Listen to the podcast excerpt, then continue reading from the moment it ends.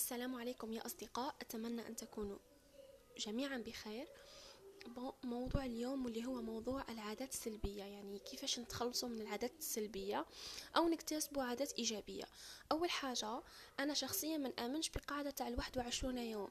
يعني واحد وع... يعني كي يقولوا لك مثلا لازمك المدة اللي لازمك تتخلص منها من عادة سلبية اللي هي واحد وعشرون يوم أو العادة اللي خاصك تتعلمها ولا تكتسبها.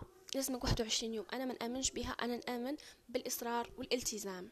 شهر شهرين حتى ترتخ لي هذه العادة في راسي. تمام. نمر النقطة الدوزيام كي تعود تتخلص من عادة سلبية راح تجيب ورقة وتقسم على زوج. يعني أنا كيفاش يعني أنا أني نقول لكم في طريقتي. اللي عجباتو هاو راح يديها وراح ي... وراح ي... وراح يبدأ يطبق بإذن الله راح تنفعه. إذا يعني لقيت روحك أنت ماكش هاك تطبق شوف طرق أخرين أو شوفي أنت طرق أخرين باسكو أنا أنا نقول غير الحوايج راني مطبقتهم.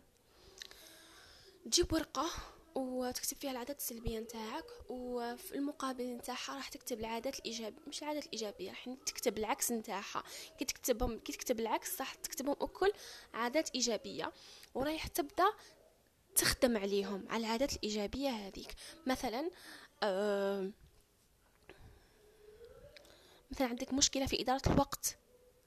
تكتب عندي أنا أدير الوقت يعني وتبدأ تخدم عليها. مثلا صلاتك ما هيش ما هيش كيفاش نقولوها؟ صلاتك ما هيش آه ماكش منتظم فيها ولا مثلا صلاة تصليها وصلاة ما تصليهاش.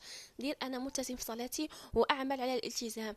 وكان تقدر ثاني ثاني نزيد دير programme وأخدم.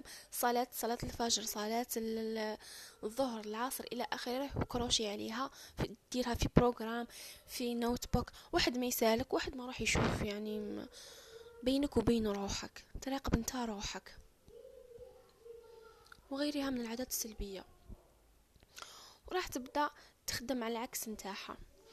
آه النقطة المهمة هنا إنك ما تتعمقش في في النقاط أو العادات السلبية بل اسعى باش تغيرهم كما قلت لكم. وما تنساش بلي أنت إنسان تقدر تتحكم في شعورك. أوكي.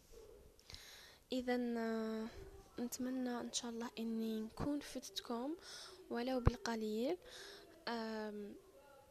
شكرا على حسن استماعكم ونراكم في بودكاست آخر بإذن الله. إلى اللقاء.